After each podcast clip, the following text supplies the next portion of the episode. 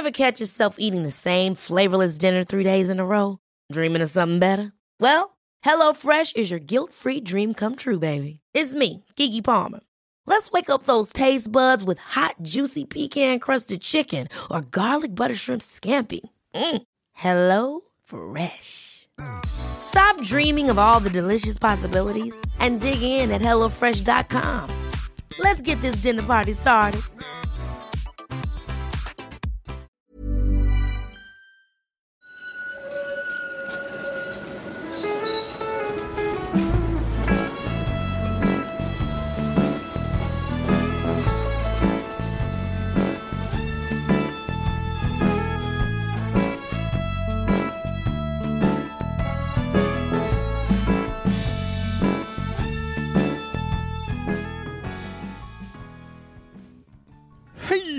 Och välkomna till Gaturattar i Göteborg, en podcast om spännande platser och tråkiga platser och alla möjliga platser och parker och allt möjligt i Göteborg.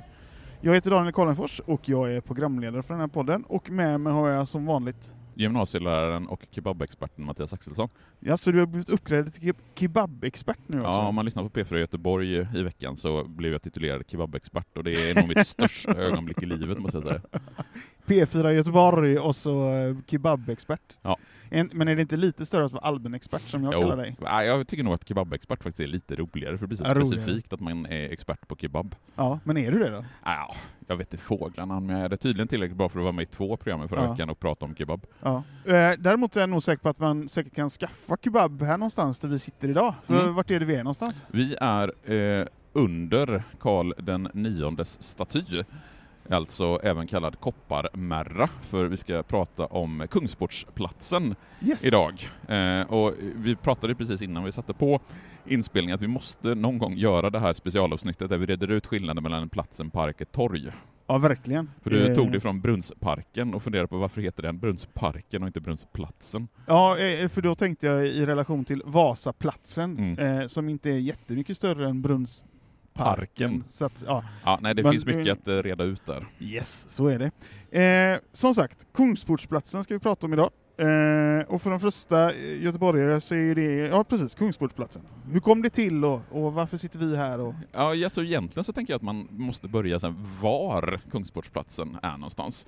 Just eftersom om du tittar på adressen där uppe så står det Östra Larm Larmgatan. ja, just det. Eh, så rent tekniskt så är vi ju inte, faktiskt inte på adressen Kungsportsplatsen. Däremot så skulle nog alla göteborgare säga att Kopparmärra ligger på Kungsportsplatsen.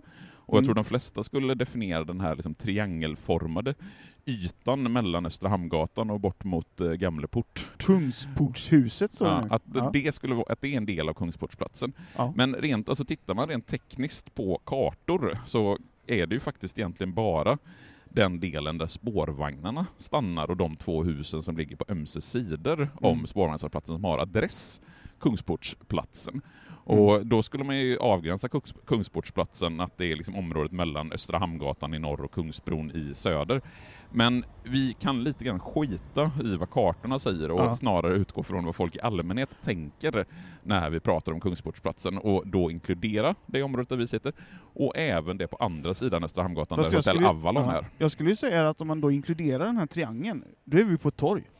Ja, Så och- egentligen är vi på Kungsportstorget. Ja, och det, är det, och det är det som är så lurigt, just det här skillnaden mellan plats och torg, för att den här platsen som den är här, den är ju definitivt torgliknande. Oh Den ja. har ju alla kvaliteter som ett torg har. ja. Men, men jag tänker, om vi backar historien så kommer vi se att Kungsportsplatsen har inte alltid varit liksom det här torget som vi tänker oss det idag. Nej. Eh, men hur länge har det då varit en plats? Ja, alltså då är vi återigen i den här diskussionen om när blir en plats en plats? Är det när stadsfullmäktige beslutar att platsen får namnet Kungsportsplatsen? För då kan vi definitivt säga att det är 1852. Mm. För 1852 bestämmer stadsfullmäktige att den här platsen ska heta Kungsportsplatsen. Men som vanligt så finns det ju tidigare belägg för att eh, människor har kallat platsen för Kungsportsplatsen. Jag hittade bland annat en notis från 1844 redan. Om att dåvarande kungen, som väl bör ha varit Oscar den förste, om vi befinner oss på 1844. Du kan ju hela kungalängden Ja, till så, så... att jag, jag, jag tar nästan gift på att det var Oscar den förste, som, eh, alltså Karl XIV Johans son, som Ja. var kung.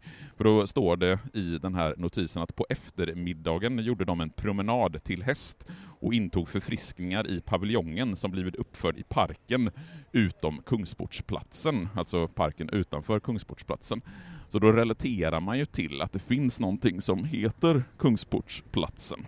Men är det då så alltså att eh, ja, så redan 1844 då så finns det någonting som är som en slags plats? Ja, det måste det ju då göra eftersom man refererar till det som Kungsportsplatsen. Och jag tänker att det är när man börjar riva befästningarna och det blir en öppen yta, så börjar det här formeras till någon form av plats.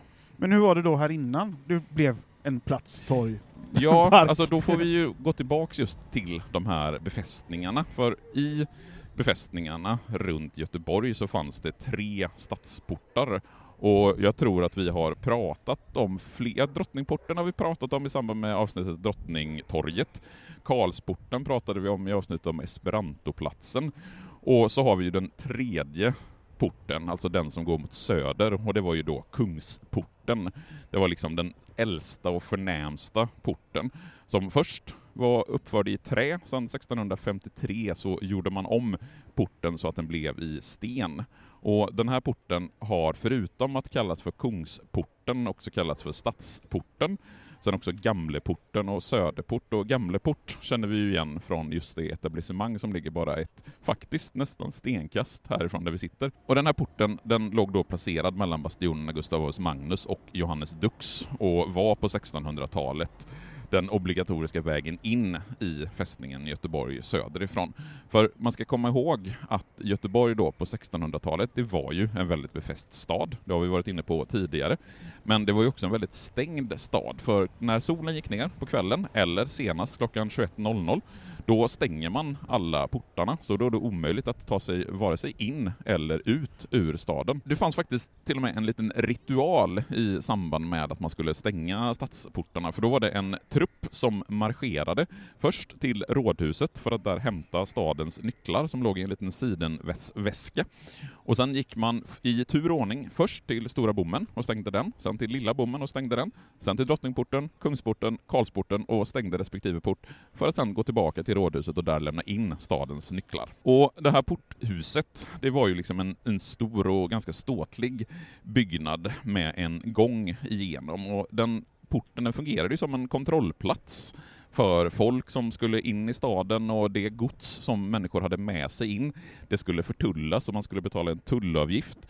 Och den här portbyggnaden den användes även som garnison för stadsvakten och längst upp i porten så fanns det även ett häkte som människor som var häktade i staden kunde befinna sig i. Och det är ju givetvis från den här kungsporten som platsen, Kungsportsplatsen, har fått sitt namn. Men det är ju då under första halvan av 1800-talet som man börjar riva befästningsmurarna och i och med att man river befästningsmurarna så bestämmer man också att eh, de gamla portarna, både Drottningporten och Karlsporten och Kungsporten ska plockas bort. Även om det givetvis blir ganska hetsiga diskussioner så som det alltid blir i samband med olika typer av rivningar. Det är det ju även idag och under 1900-talet.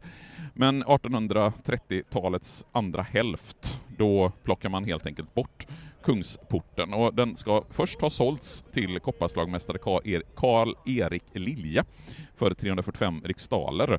Men sen så gick den tillbaka till staden och tyvärr så bevarades den inte för eftervärlden så Kungsporten, den försvann helt enkelt. There's never been a faster or easier way to start your weight loss journey than with PlushCare. PlushCare accepts most insurance plans and gives you online access to board-certified physicians who can prescribe FDA-approved weight loss medications like Wigovi and Zepbound for those who qualify. Take charge of your health and speak with a board-certified physician about a weight loss plan that's right for you. Get started today at plushcare.com slash weight loss. That's plushcare.com slash weight loss. plushcare.com slash weight loss. I'm Sandra, and I'm just the professional your small business was looking for. But you didn't hire me because you didn't use LinkedIn jobs. LinkedIn has professionals you can't find anywhere else, including those who aren't actively looking for a new job but might be open to the perfect role, like me. In a given month, over 70% of LinkedIn users don't visit other leading job sites. So if you're not looking on LinkedIn, you'll miss out on great candidates like Sandra. Start hiring professionals like a professional. Post your free job on linkedin.com/achieve slash achieve today. Så eh, från 1830 och framåt när porten då faktiskt rivs, vad händer på platsen då? Ja, det är ju egentligen då som det blir en plats. Eh, och det är då man börjar bebygga den utfyllda delen av vallgraven. Man bygger hus, man drar så småningom fram spårvagnsspåren, man anlägger en liten kanal som, man avdel, som avdelar sig från Östra Hamnkanalen och gick in under husen ungefär upp, ja men typ ganska exakt där vi sitter nu så gick det en liten kanal som anslöt från Östra Hamnkanalen sen ut i eh, vallgraven. Och tittar man på platsen, för det finns faktiskt fotografier från det sena 1800-talet, så är ju det här en ganska ödslig plats. Visst, det har börjat eh, växa fram hus och liknande, men vi har ju inga spårvagnar i slutet på 1800-talet, det finns ingen staty, det finns inga stånd, det finns ingen beläggning på gatorna, utan det är ju vad jag kan se sand eh, eller grus eller något liknande. Så det är ju i slutet på 1800-talet en väldigt ödslig och öppen plats som ligger här då mellan Kungsbron och Östra Hamnkanalen.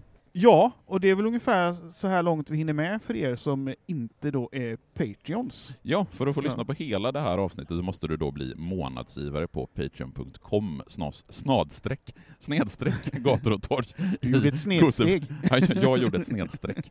Eh, gator och torg i Göteborg, det finns en länk i avsnittsbeskrivningen, för då får du dels tillgång till hela det här avsnittet. Vi kommer ju fortsätta prata om de olika byggnaderna som ligger här. Vi kommer prata givetvis om Kopparmärra, vi kommer prata om hur platsen förändras under 1900-talet och sen in på 2000-talet. Men då måste du alltså bli månadsgivare på patreon.com snedstreck gator och torg i Göteborg. Men det som alla ändå har tillgång till är ju våran, våra två Instagram-konton egentligen. Ja, vi har ju dels Gator och torg Göteborgs Instagramkonto där vi upp, lägger upp bilder specifikt till de platser som vi besöker, men sen har vi också det gamla Göteborg, eller det gamla Göteborg som det heter på Instagram, där jag lägger upp bilder på platser runt om i Göteborg, eh, hur de såg ut då och hur de ser ut idag. Och som vanligt har du hittat ganska fantastiska bilder här som kommer finnas på vår Instagram. Yes, och på kontot Det gamla Göteborg så finns det en jätterolig bild just från eh, nyss nämnda Brunnsparken och de husen, som, hur de såg ut under 1800-talet och sen när man rev arkaden och byggde nytt där. Det är ganska spännande. Men eh, om ni inte vill bli månadsgivare på patreon.com så hörs vi igen om en vecka. Ha det! Hej!